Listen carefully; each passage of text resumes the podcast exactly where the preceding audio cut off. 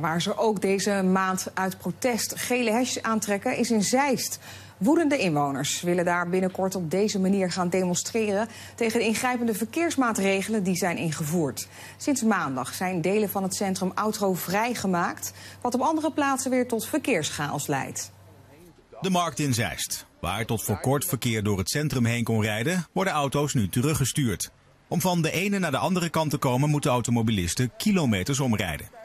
Nou moet ik zo'n beetje via Amersfoort op Utrechtse weg zien te komen. Belachelijk. Want het, het, het, het verhoogt de CO2-uitstoot, want je moet allemaal omrijden. Nu ver omrijden als je niet door het centrum kunt? Ja, dan moet ik ontzettend omrijden. Het is permanent dus. Maar uh, niemand is daar blij mee natuurlijk. Hè? De geweerde auto's rijden nu allemaal dezelfde vastgelegde route om het centrum heen. Wat daar weer leidt tot veel verkeersoverlast. De auto's rijden hier vaak bumper aan bumper. Middenstanders vrezen voor hun klanten. Nou, dat ze misschien niet meer komen. En dat is het grote gevaar. Dat is onze grootste angst. De ondernemers hebben bijna 200 protesthandtekeningen verzameld. En hier uh, behoorlijk wat uitlaatgas inderdaad uh, in te ademen. En ook de oplossing die de gemeente gecreëerd heeft voor die afsluiting is een, een route waarbij je 4 kilometer om moet rijden. Nou, lijkt mij ook niet een heel milieuvriendelijke maatregel.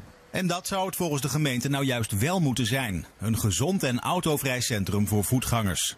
De VVD heeft ook voor dit plan gestemd, maar vraagt inwoners om zich te melden met hun klachten. Je kan een besluit nemen en daar ook gewoon achter staan, maar niet blind zijn voor de uh, signalen die uit de samenleving komen en daar ook wat mee doen als daar aanleiding voor is.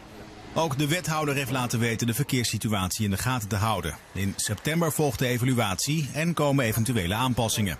Inwoners van Zeist hebben zich via Facebook georganiseerd en willen 16 februari gaan protesteren.